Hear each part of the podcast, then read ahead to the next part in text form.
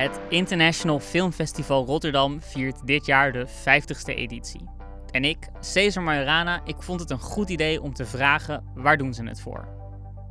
Met VPRO Cinema ben ik in de archieven gedoken, om zo aan de hand van een paar iconische verhalen bloot te leggen wat er nou zo bijzonder is aan vijf decennia van het meest progressieve filmfestival op aarde.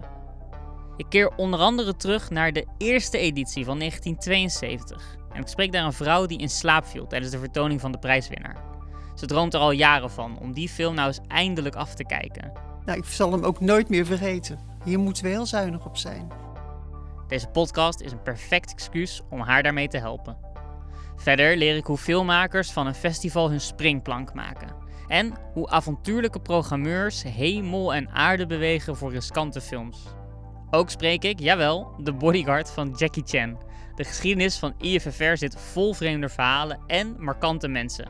Je hoort het allemaal vanaf 19 mei in Tijgers en Cowboys. Een vierdelige podcast van VPRO Cinema en IFFR.